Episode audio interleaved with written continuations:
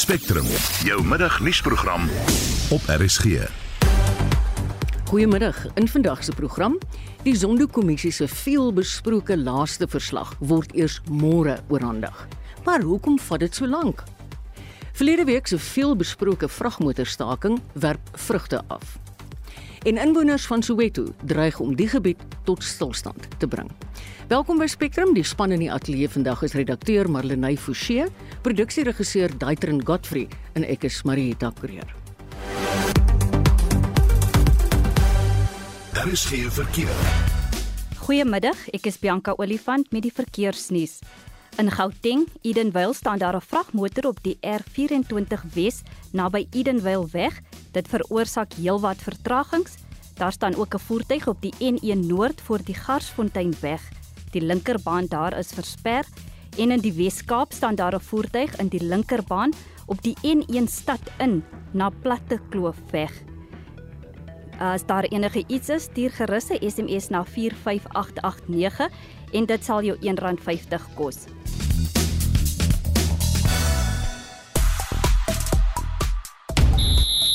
Op die cricketveld pak Sri Lanka en Australië mekaar in Colombo in die 4de van 5 eendagwedstryde met die tuisspan wat 2-1 voorloop.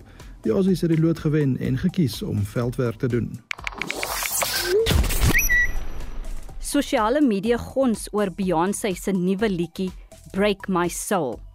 En inwoners van Soweto se beplande optog na die kantoor van die burgemeester van Johannesburg, Mpo Palazzi, trek ook groot aandag. Die hitsmerk daar is Soweto Breakdown. Ja, ons het 'n brandpunt vraag vir al ons luisteraars vandag. Verkieslik wil ons baie hoor van wat sê ons vroue luisteraars. Die regterlike dienskommissie het gister 'n onderhoud gevoer met die regter-president van die Appelhof, Mandisa Maya, vir die posisie van adjunk hoofregter van die konstitusionele hof. Ons wil graag vandag by julle weet. Dink jy sy's geskik vir die posisie? Glo jy sy moes eintlik die posisie van die hoofregter gekry het in plaas van regter Zondo? Of dink jy vroue se vordering word gekortwiek in verskeie beroepe en die glasplafon is man nog daar? Jy kan gerus vir ons 'n SMS stuur na 45889. Dit jaag jou rand 50 uit die sak uit of jy kan saamgesels op ons Facebookblad en 'n stemnota is altyd welkom op ons WhatsApp nommer 076 536 6961. Jy luister na Spectrum. Elke weekmiddag tussen 12 en 1. En wel na die uitsending op 21 Junie, die kortste dag en die langste nag. Suid-Afrikaners wag met ingehoue asem op die laaste gedeelte van die staatskapingsverslag wat reeds uitgereik moes gewees het. Toe sou dit gisterand aan die president oorhandig word, maar nou word dit eers môre oorhandig. Intussen het hoofregter Raymond Zondo die verslag as en ek haal aan plofbaar bestempel. Hy sê hulle waak teen enige regsaanvalle. Vir sy mening sluit 'n politieke ontleder aan die Noordwes Universiteit se Sakeskool, Dr Piet Kroukamp, by ons aan. Goeiemôre Piet.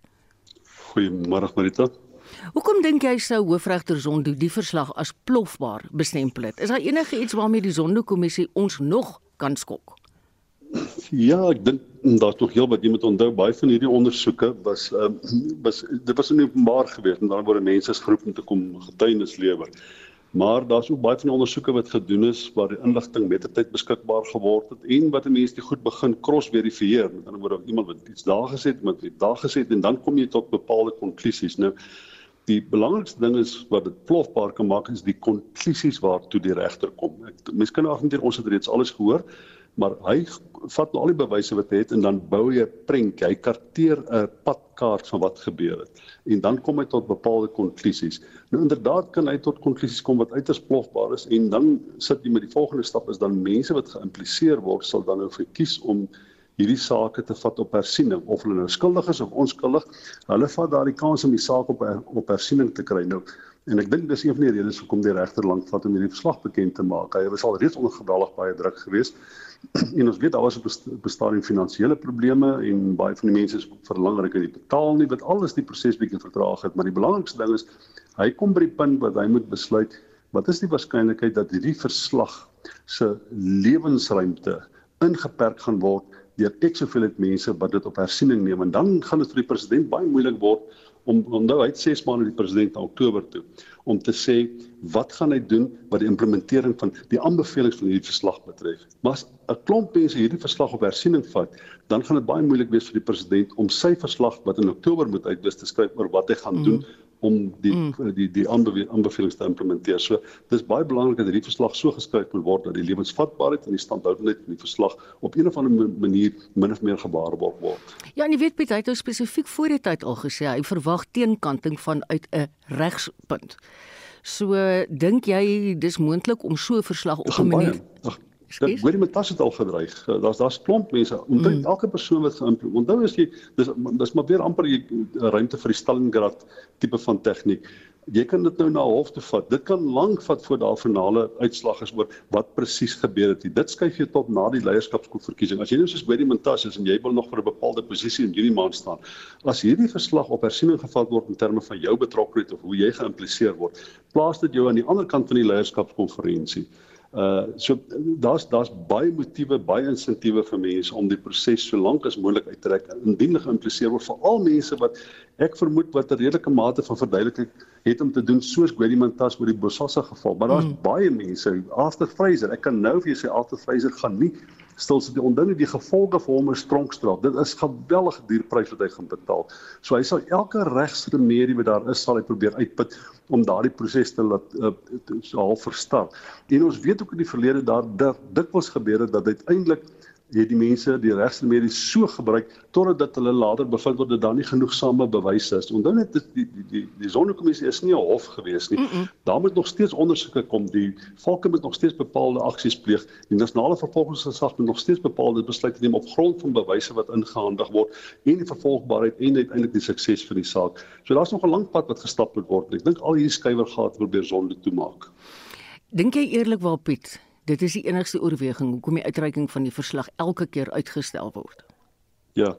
Goed. Ek het ek het so 'n jaar of wat 'n jaar, jaar en 'n half gelede toe ek erns in 'n in die Vrye Weekblad het gesê dat Zondo is bekend vir sy administrative tardiness. Hy's 'n hy's 'n hy's 'n hy's 'n lomp bureaukraat. Hy's 'n man wat se dinge dokumente lees sy tafel vol en uh, hierdie is maar net weer 'n klassieke verskynsel van dis dis dis dit is 'n bietjie van dit das onthou net hy baie mense rondom hom wat baie effektief is en wat pragmaties werk en volgende bepaalde program en hou nou gesê daarbey maar hy homself is bureaukraties is legendaries daarvoor dat hy nie die mees effektiewe mense is wat die ruimtes toemaak tussen die dokumente altyd nie. So ek dink dis 'n bietjie van sy tardiness, maar daar's nie politieke motiewe by daarin daar's nie regsmotiewe daarbey nie dit is nou hy sal altyd geassosieer word met die man wat gesukkel het om sy verslag in te handig. Dis maar soos die skoolkind wat gesukkel het om sy om om om sy om sy jaarverslag ook in te handig of die, die biblioteekreport in te handig. Hy sal altyd daarvoor bekend wees, maar daar daar's nie politieke motiewe by hom nie. Jy jy sê dit nou, maar die DA sê op hulle beurt, die gesprekke tussen hoofregter Zondo en die president Ramaphosa voor die uitreiking van die verslag reken hulle is oneties want Ramaphosa het voor die kommissie verskyn. Stem jy saam? Man daar daar is geen manier wat daar wat jy 'n gesprek kan vermy tussen die hoofregter en die president nie. Daar's dit uiteindelik sal dit uh, sal moet 'n mens kyk na die manier hoe die uh, die die die hoofregter beskryf wat gebeur. Ek byvoorbeeld dink daar's 'n baie goeie kans dat hy vir Ramaphosa gaan impliseer in die gevolge wat kaderontplooiing het oh, ja. en waarvan die president vir baie lank die voorsitter was. Nou dit sal vir my die die die lakmoes toets wees. As hy vir hom 'n pause met dit wegkom, dan sal waarskynlik Marita en wat die DA sê, maar ek het geen rede gehad nog ooit in die verlede, nêrens in die in die in die geskiedenis van hierdie regter waar dit mense indruk gekry het dat hy hom wel polities laat beïnvloed nie. Ek het geen twyfel dat hy met iemand oor 'n tafel kan sit, deel aan sit te gesels en volgende môre onafhanklike besluit kan neem met daai persoon ook nie. So ek dink dit die toets gaan nou wees ons ons sal ons ons sal as die verslag sê ons kan sê goed beweet is is, is ek reg of is ek verkeerd. Mm. Maar ek dink baie keer met die idee versigtig wees dat uh, Laurie Ackerman, hy was 'n regter op die eerste grondwet constitutional court. Hy het altyd vir my gesê as hy moet sê if you overstate your cause you actually undermine it. Nou die DA partykeer by overstating something they undermine it. Mens kan altyd vra oor hierdie goed vra, maar as jy op so 'n manier vra dat jy tot 'n konklusie gekom het dat daar noodwendig 'n uh, onetiese tipe van aksie hier was, dan jy overstate. Want mense kan interessante intelligente vrae vra. Wat is die verhouding tussen 'n hoofregter en 'n president? Maar om noodwendig te impliseer dat enige gesprekke wat hulle in hulle sal plaas tussen hulle sal plaasvind, moet oneties wees want uh een van die partye of albei van hulle uh word onderwerp aan 'n mm. bepaalde ondersoek of die een kom voor kom kom um, uh het aansoek gedoen vir 'n pos. Onthou net die president het hom aangestel. Selfs toe die EFF en baie partye het hulle pertinente vrae gevra oor hierdie persoon word ondersoek. Hy is die persoon wat besluit of hy ou hoofregter moet wees. Ek dink weer dit was eintlik 'n baie etiese daad van die professor om sê vir die professor van van die president om wel vir uh, regter sonde aan te stel, wel wetende dat hierdie persoon gaan bevindings teen hom maak. Ek kan nou vir jou sê daar gaan 'n bevinding teen Ramaphosa wees.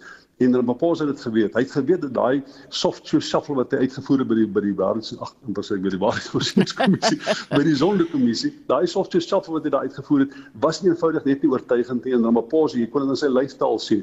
Is nie oortuig van sy eie saak dat hy met hierdie gaan wegkom nie, maar dit was die party uh, beleid. Dit was die party uh, narratief wat hy voorgestoot het.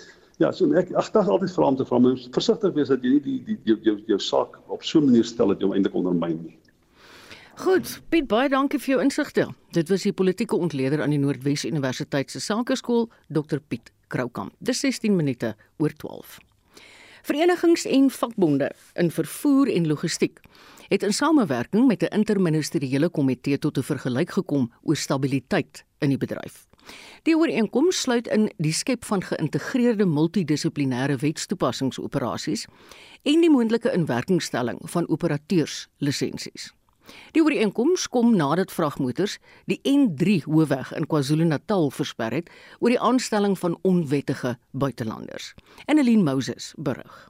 Die komitee het die versperring van die N3 veroordeel en sê dit hou verrykende gevolge in vir die ekonomie en buitelandse beleggings. Die regering sê 213 buitelandse burgers wat na bewering die immigrasiewetgewing oortree het, is in hegtenis geneem. Die minister van Arbeid en Indiensneming, Tulas Nxesi, sê 'n taakspan sal saamgestel word om die uitdagings die hoof te bied, maandeliks terugvoer te gee en om aanbevelings te maak. First one facilitate the appointment of the task team. Secondly, enforce of the visa requirements, the need for consideration of all foreign driving licenses registration and compliance with the labor laws, registration of operators in terms of Section 45 of the National Road Traffic Act, review of the traffic uh, register number, review of the cross border road transport legislation, amendment of the National Road Traffic Regulation. Die Vragmotorbestuurders Alliansie, die Suid-Afrikaanse Vervoer en Alliansie Werkers Vakbond, die Vragmotorvereniging van Suid-Afrika en die Padvragbedingingsraad verwelkom die ooreenkoms. Die president van die Vragmotorbestuurders Assosiasie van Suid-Afrika, Mary Padi, het dit benadruk. We want to emphasize that it is important that this industry be regulated and we call for the urgent reintroduction of the operating licenses in South Africa. It will address the non-progressive apartheid policies that denied majority key players in particular in the economic stream of this country. So TASA is saying this industry must be regulated Die minister van vervoer, Fikile Mbalula, sê dit is onwettig om ongedokumenteerde werkers in diens te neem en werkgewers sal aangekla word as hulle die wet oortree. And uh, driving a truck is not a scare scheme. You're on the wrong side of the law. We're going to act. Those business companies that are on the wrong side of the law, you're going to face the wrath of the law. That's what we're going to do.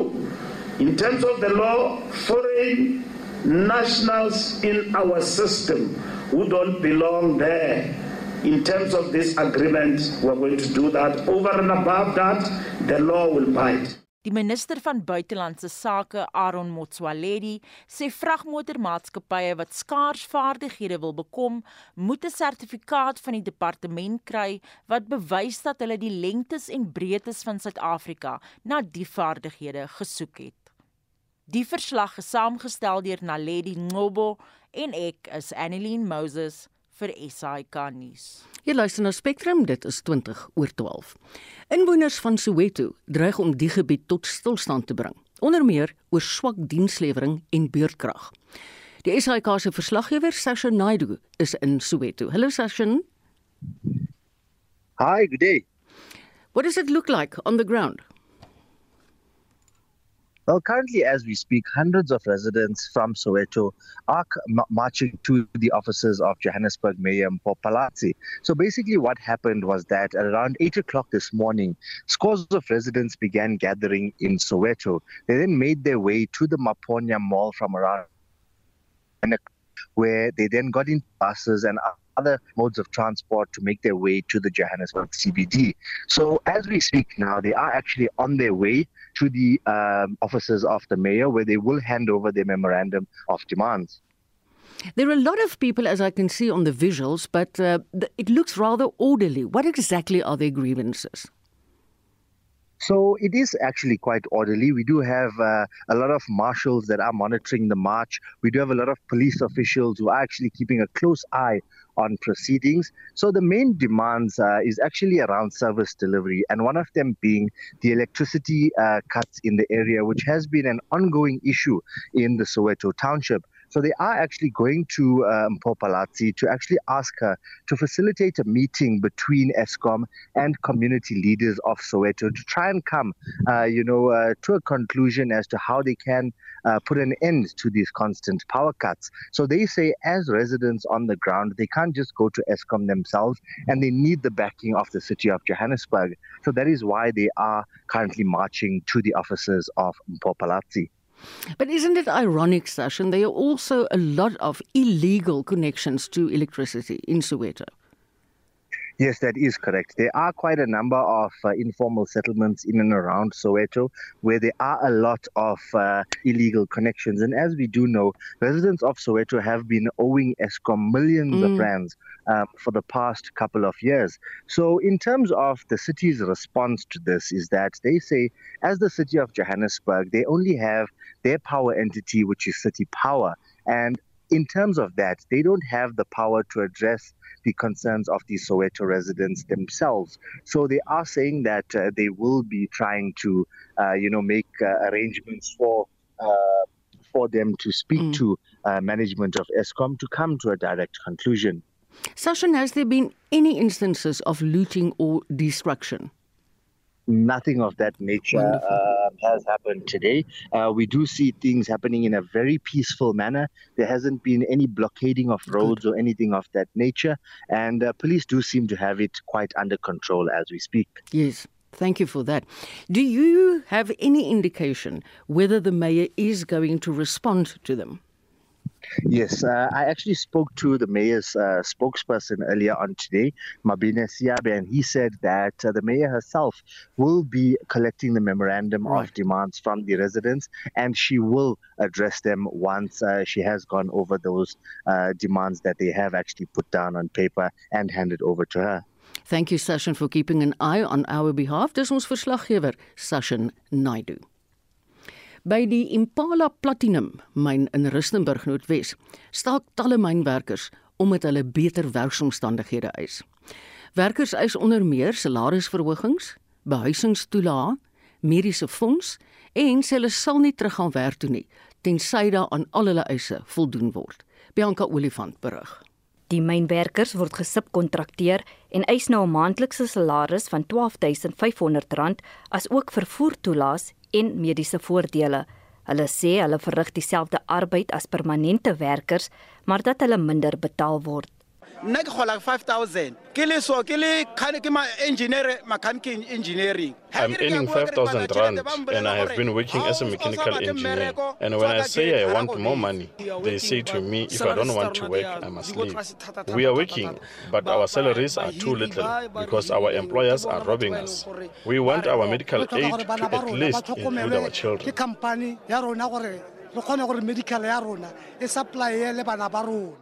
Die nasionale uitvoerende lid van NUMSA, Enoch Manyoni sê, die maatskappy is nie bereid om enige van hulle eise te bespreek nie omdat hulle nie die meerderheidlede het nie. So until we are called to the table and say let us discuss the issues of the wages we'll take back the workers to work. We can't take workers back to work if the company or the three companies or two companies that are saying we are not a bargaining agent NUMSA. So the power play must take its course. Johan Peron van Impala Platinum sê, hoewel hulle bekommerd is oor die staking, dit nie werksamehede by die myn ontwrig nie. The strike has no legal bearing on Impala and likely to have limited impact as these services can easily be provided from other resources. However, we are deeply concerned about workers putting their livelihoods at risk to principally advance union interests and are working with all other stakeholders to find a legal and sustainable resolution to the impasse. Nomsa het aangedui dat werkers nie sal terugkeer werk toe totdat daar aan hulle eise voldoen word nie. Die verslag deur Zebulon Mayini in Rustenburg, ek is Bianca Olifant vir SAK nuus. 12:25 en 'n half. Ons het vroeër by Bianca gehoor toe sy gepraat het oor die sosiale media dat van die ergste gonswoorde vandag op Twitter is B is back, break my soul in Beyoncé. Die sangsensasie Beyoncé het die wêreld aan haar voete nadat sy vandag 'n enkele snit van haar nuwe Renaissance album as lusmakertjie bekend gestel het. Nou hoor net 'n bietjie hier. Die snit Break My Soul is kort tevore meer as 1 en 'n half miljoen keer in 8 ure op YouTube geluister. Nou daar het ons 'n splinter nuwe snit van Beyoncé Break My Soul. Jy luister na Spectrum. Op RSG. Later in ons program vandag. Inwoners van Durban kan hulle voorberei op minstens 'n jaar van wateronderbrekings na die onlangse oorstromings in KwaZulu-Natal. Ons hou jou op hoogte van die Verenigde Nasies se verdragskonferensie oor die verbod op kernwapens en 'n baie interessante bydrae. Meer oor die eerste dowe dierkundige wat 'n doktorsgraad oor groot roofdiere aan die Universiteit van KwaZulu-Natal verwerf het. Bly gerus ingeskakel. Daar is geen verkeer. In die jongste verkeer in Gauteng in Johannesburg is daar padwerk op die N1 Noord tussen die ou Johannesburgweg en Brakfontein Wisselaar. Die regterbaan is versper. In Edenvale staan daar 'n vragmotor op die R24 Wes naby Edenvale weg. Dit veroorsaak heelwat vertragings in die rigting van OR Tambo Internasionale Lughawe. Ek is Bianca Olifant met die verkeersnuus op Spectrum.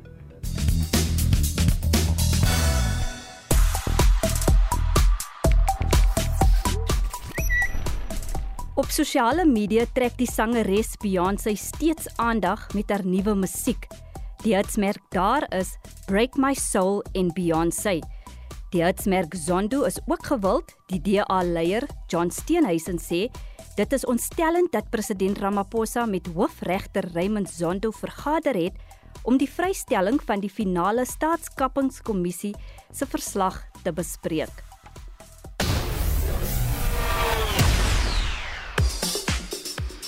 Sokker, cricket en Formule 1 is op Shaun Schuster se sportspyskaart. Ek begin met sokkernuus. Die voormalige Manchester United legende Ryan Giggs het as afrigter van die Walliese nasionale span bedank.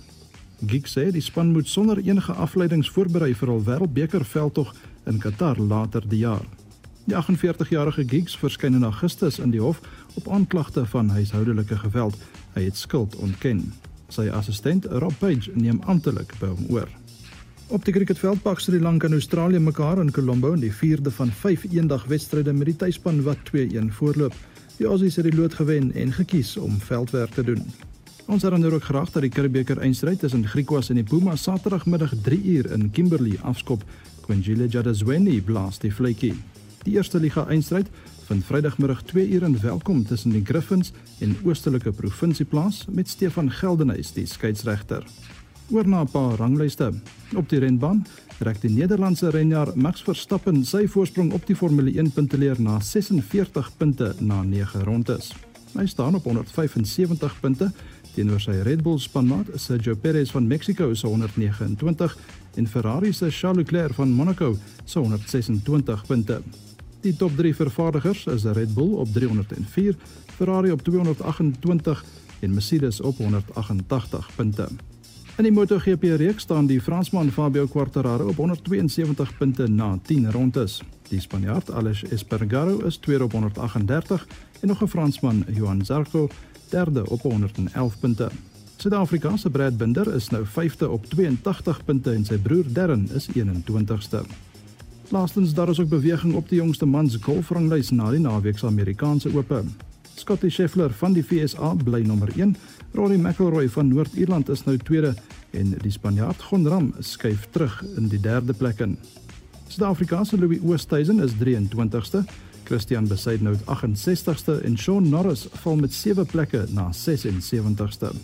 Die Live Golf Uitdag reeks het ook intussen aangekondig dat hulle aansoek gedoen het om deel te vorm van die wêreldranglysstelsel.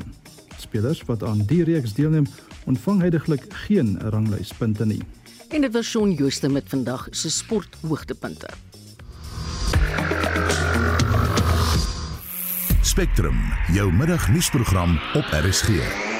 Dis 24 minute voor 1. Ons sien nou intussen hier in die ateljee op sosiale media dat die leier van die DA, John Steenhuisen, die FBI in Amerika genader het om aantuigings van geldwasery teen president Cyril Ramaphosa te ondersoek.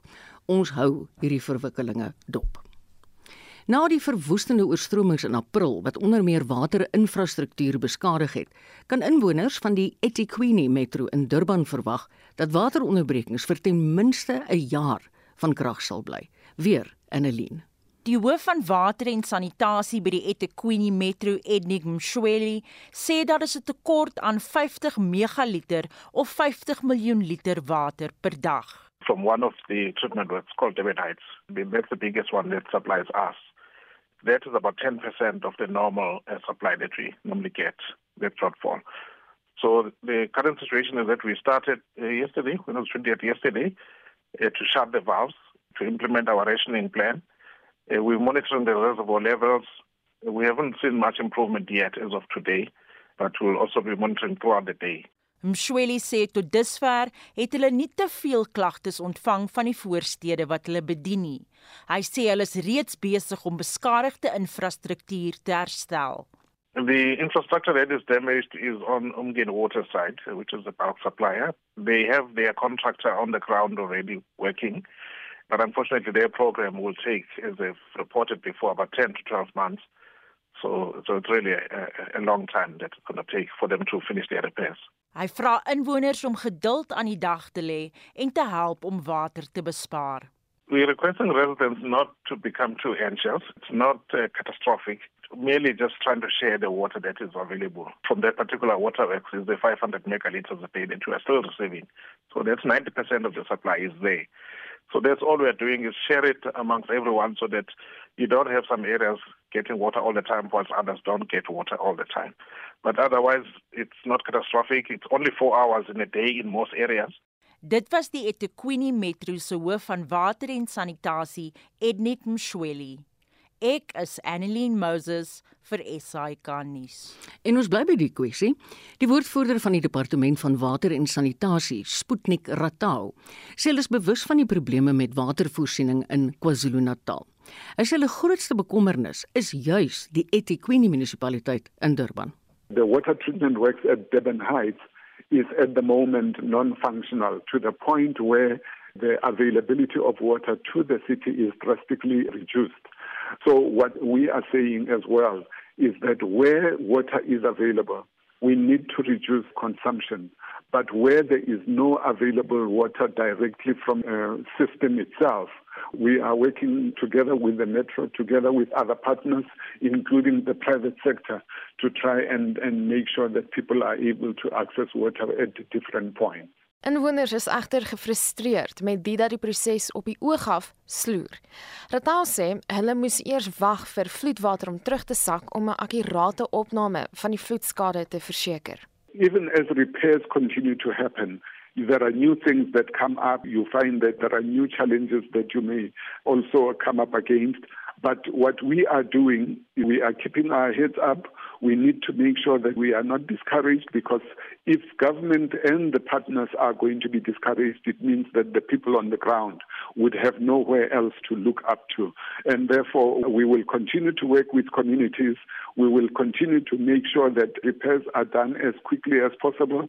Die spreekwoord lui haastige hond verbrand sy mond en dit is waarvoor die departement nou versigtig is. Those repairs cannot just be done so quickly that they also create problems later on. What Minister said earlier when we were going around in the damaged areas was that the repairs must be such that they become better infrastructure than the infrastructure that was destroyed by the floods. Dit was nasionale woordvoerder vir die departement van water en sanitasie, Sputnik Ratau. Marlene Forsie, SAK nuus. Die humanitêre organisasie Gift of the Givers is intussen besig om gebottelde water na die Oos-Kaap te neem, waar dag 0 in die Nelson Mandela Bay metro dreig. Die water word van Kaapstad na die Oos-Kaap geneem. Die Mpumalanga Portefeulje Komitee oor Gesondheid en Maatskaplike Ontwikkeling het 'n toesigbesoek aan die KwaMahlanga en die Witbank Hospitale afgelê om eerstens inligting oor die toestand van hierdie gesondheidsinstellings te kry. Die hospitale het nie genoeg spasie nie en dan boonop word sommige van die sale gesluit. Nog 'n verslag van Bianca. Weens die tekort aan hospitaalbeddens word pasiënte by die Witbank Hospitaal gedwing om op vuil vloere bedek met mediese afval te slaap. Die komitee skryf die situasie toe aan 'n disfunksionele bestuursraad. Volgens die streeksvoorsitter van Denosa, Elisitole, word die krisis vererger deur die stadige pas waarteen probleme opgelos word. The issue of infrastructure that our department uh, is applying the snail pace on addressing it is the issue of overcrowding of the patients that are coming in here in Witbank Hospital, the issue of referral policy that we are trying to to address with our department currently. So those are the serious challenges that we are facing. The issue of shortage of staff that now and then most of the time we're busy challenging the department on addressing it is the one that actually that is causing more burden to the workers of Witbank Hospital. Die hoof van die departement, Duduzile Mdluli sê, hulle herlei sommige pasiënte na ander hospitale en werk hard om oplossings te vind. And currently, what is happening is that our building, the oldest building here, which is called the Heritage Building, has got the pipes that are bursting, and which then has made us to be less 147 beds. We have moved some of the patients to Middleburg Hospital, and some of them we've moved them to Impungwe Hospital in order to make sure that we reduce the influx in Witbank Hospital. And also, the plan is that Impungwe Hospital, we are going to make sure that patients that were delivering at Impungwe they would now be taken to deliver at the nearby CHC so that Mpungwe can be able to offload. Die voorsitter van die komitee, Pat Ngumane, sê die departement van gesondheid het hom daartoe verbind om die infrastruktuur en toestande in beide hospitale te verbeter. The problem of that particular hospital, uh, including this hospital, uh, it's, uh, it's overcrowding. Uh, a lot of people they get into that particular hospital uh, without going to other uh, CHCs, which they were supposed to relieve that particular hospital on the challenges which are there. But the department is going to work with us to deal with these challenges which are affecting the hospital. Die Witbank Hospitaal ervaar ook ernstige watertekorte. Die verslag deur Motswebi wa Monareng en Emma Letleni. Ek is Bianca Olifant vir SAK nuus. Die verslag deur Motswebi. Dit is nou so 16 minute voor 1 en ons gaan nou na die buiteland. Die Verenigde Nasies se verdragskonferensie oor die verbod op kernwapens het vandag in Wene, Oostenryk begin. 'n Verdrag van VN lidlande oor die verbod is in Januarie verlede jaar gesluit.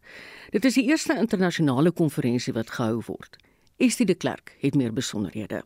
Die adjunkminister van die departement van internasionale betrekkinge en samewerking, Elwin Botus, lei die Suid-Afrikaanse afvaardiging. Die verdrag oor die verbod op kernwapens is reeds in Julie 2017 aangeneem en het in Januarie verlede jaar in werking getree nadat dit deur 50 VN-lidlande bekragtig is. Nog 12 lidlande het dit in Junie vanjaar onderteken en bekragtig. Suid-Afrika het die verdrag in 2019 bekragtig. Die politieke ontleder aan Unisa, professor Joansi van Wyk, woon ook die konferensie by. Gister het internasionale konferensiegangers 'n humanitêre konferensie van die Oostenrykse regering bygewoon ter voorbereiding van die VN verdragskonferensie. Die dag gister het begin met 'n verwelkoming van die buitelandse sake minister van Oostenryk, Alexander Schallenberg, wat verwys het dat Europa en die internasionale gemeenskap het vir 'n lang tyd onder die wanindruk geleef dat internasionale vrede grootendeels gehandhaaf sal word en dat die gebruik van kernwapens eintlik maar net tot die geskiedenis beperk is dat die state se arsenale verminder het, maar die dreigemente wat van uit Moskou en via Vladimir Putin gekom het, het natuurlik Europeërs en die internasionale gemeenskap twee keer laat dink. Hy het verwys na herhaaldelike kere wat Putin geïnsinueer het, maar ook dan nou direk gedreig het dat hulle moontlik dan hierdie wapens gaan gebruik indien dit dan hulle in so hoek gedruk gaan word. Die VN se verdragskonferensie fokus op die humanitêre gevolge van die gebruik van kernwapens en die rehabilitasieproses van die omgewing waar kernwapens verwoesting gesaai het. Al die VN-lidlande wat die verdrag onderteken het, is vandag byeen vir die konferensie. In Suid-Afrika se geval woon adjunk minister van internasionale betrekkinge Alwin Botha namens Suid-Afrika by en hy sal dan ook moet terugvoering gee wat Suid-Afrika die afgelope jaar gedoen het om sy ondertekening van die verdrag dan gestand te doen. State sal vandag moet terugvoering gee oor die feit dat hulle geen kernwapens het nie, ook moet terugvoering gee oor die stand van die interregeringssamewerking waar daar gekyk word na die die wetenskaplike netwerk wat gevestig word om nie alleen te kyk na die omvang van die kernenergie-industrie in 'n land nie, maar ook dan wat die nagevolge van 'n land se wapen kernwapenprogram is. Lande moet ook slagoffers van kernwapenaanvalle identifiseer en die impak wat dit op hulle gehad het en wat die impak op die omgewing was. Van Wyk sê in Suid-Afrika is die aspekte grootliks verwaarloos hoewel ons 'n kernwapenprogram gehad het, het ons basies net laboratoriumkoue toetse gedoen. Ons het nooit fisiese bom getoets, hoewel daar 'n toetsterrein in die Kalahari by Vastrap was. Daar is natuurlik ook die toets wat ons in die Suid-Atlantiese Oseaan saam met Israel gedoen het, die sogenaamde double flash insident. So ons sal vandag saam met ander state met terugvoering gee oor wat is die stand van veral die kompensasie van mense wat dan nou aan radioaktiewe materiaal en toetse blootgestel word. Daar is ook ander aspekte in Suid-Afrika wat ter sprake is. Dit sluit die gesondheid in van mense wat in die omgewing van goudmyne woon. In Suid-Afrika weet ons dat Iran is 'n byproduk van goud en ons sit met 'n groot probleem met radioaktiewe materiaal in die mynhope rondom Johannesburg. Suurmynwater byvoorbeeld het ook 'n groot aantal swaar elemente en radioaktiewe elemente wat ons sal moet aanspreek. Hierdie konferensie en die bepalinge van hierdie eh, verbodverdrag is vir Suid-Afrika nog steeds van direkte belang want ons sit met 'n gekompromiteerde omgewingsstelsel ekosisteem, maar ons het ook 'n sekere sekere nalatenskap van ons eie wapenprogram wat ons miskien kan gebruik om ander lande mee te help. Die VN verdragskonferensie duur tot donderdag. Ek is Estie de Klerk vir SAK nuus. Spectrum, jou middagnuusprogram op RSG. Hier kom 'n baie interessante bydrae. In die 10 jaar dat Dr Nancy Baker die interaksie tussen leeu's en hyenas in Suider-Afrika bestudeer het, het sy ook baie geleer oor die verhouding tussen mense. Sy is die eerste dowe dierkundige wat 'n doktorsgraad oor groot roofdiere aan die Universiteit van KwaZulu-Natal verwerf het. Baker sê mense behoort toegewings vir diere te maak, net soos hulle ander mense se vermoëns behoort raak te sien. Of hulle nou kan hoor of nie. Dries Liebenberg berig. Die virtuele onderhoud met Dr Nancy Baker, wat tans in Denemarke is, begin met 'n glimlag en 'n wyf van die hand. Ons kommunikeer deur in die platform se boodskapveld te tik. Dr Nancy Baker is doofgebore. Die gesprek begin by haar doktorale navorsing oor die interaksie tussen leeu's en hyenas in Namibië se Etosha Nasionale Park en Botswana se Chobe en Okavango Delta. Haar navorsing was die eerste in sy soort. Baker het gevind dat die twee spesies, anders as wat mense sou dink, mekaar se jaggewoontes naboots. By tye sal leeu's hyenas volg in die hoop om die dier wat hulle plat trek af te vat. Sy sê sulke mededinging kan daartoe lei dat roofdiere dit buite wildtuine waag en sodoende gevaar loop om met mense te bots. Manoshni Pillay lees 'n uittreksel van die onderhoud met Baker. Up to now, most park conservation officers will think about the species' life history traits and space use requirements in setting up reserve size and areas for their sustained conservation.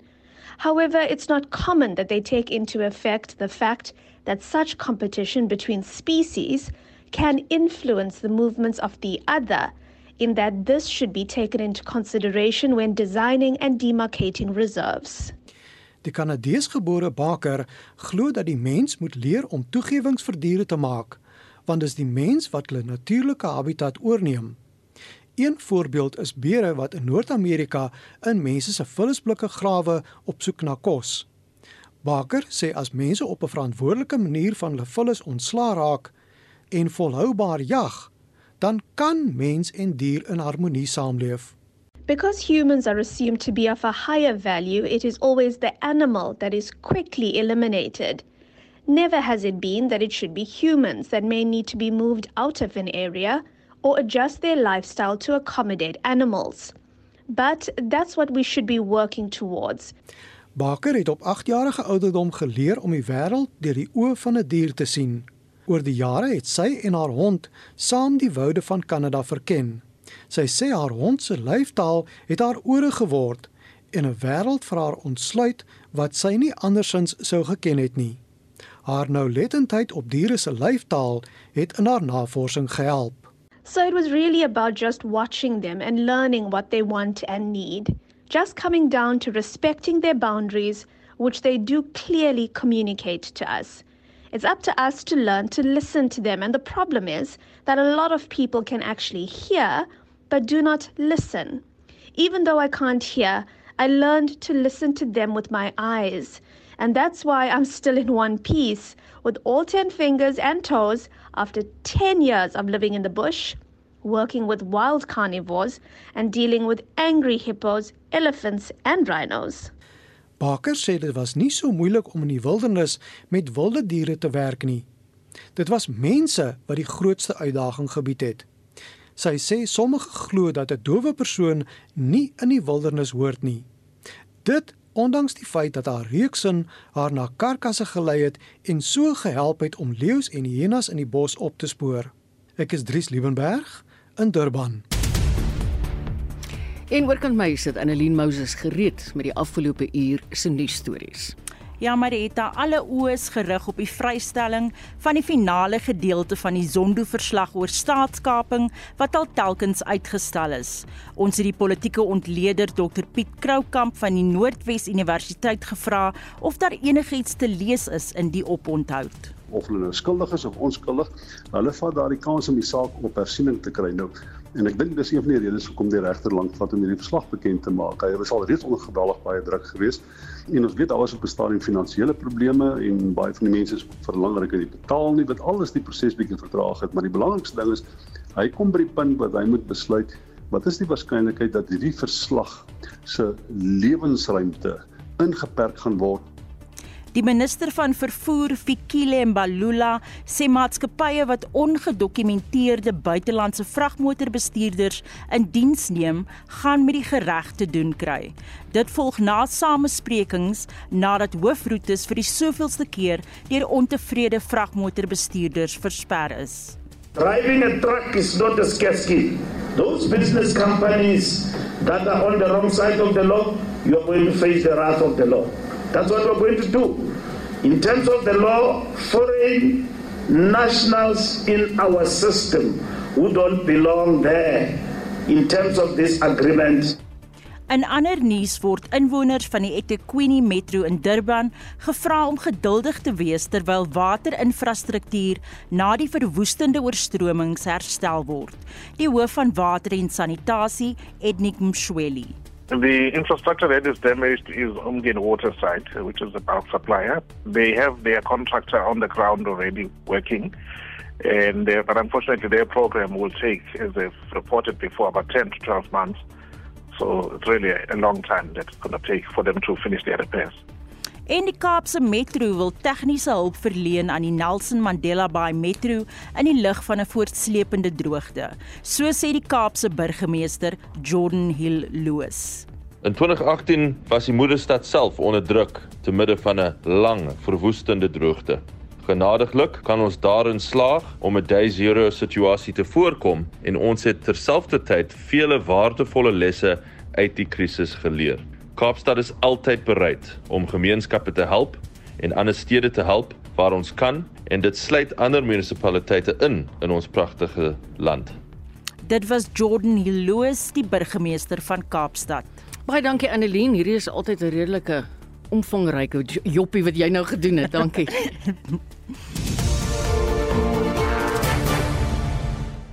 en hulle sit nou juis gereed in die Kaap met die 1 uur nuusbulletin en om ons te vermaak tot 3 uur vanmiddag. Onthou net, Eskom het net nou aangekondig dat die beurtkragfase 2 vandag weer ingestel gaan word. Dis tussen 5 uur vanmiddag en 10 uur vanaand. Ek is net die boodskapper. Ek groet namens ons uitvoerende regisseur Nicoline de Wee, redakteur Marlenae Forsie en produksieregisseur Daitrin Godfrey. Geniet jou middag in die geselskap van RSG.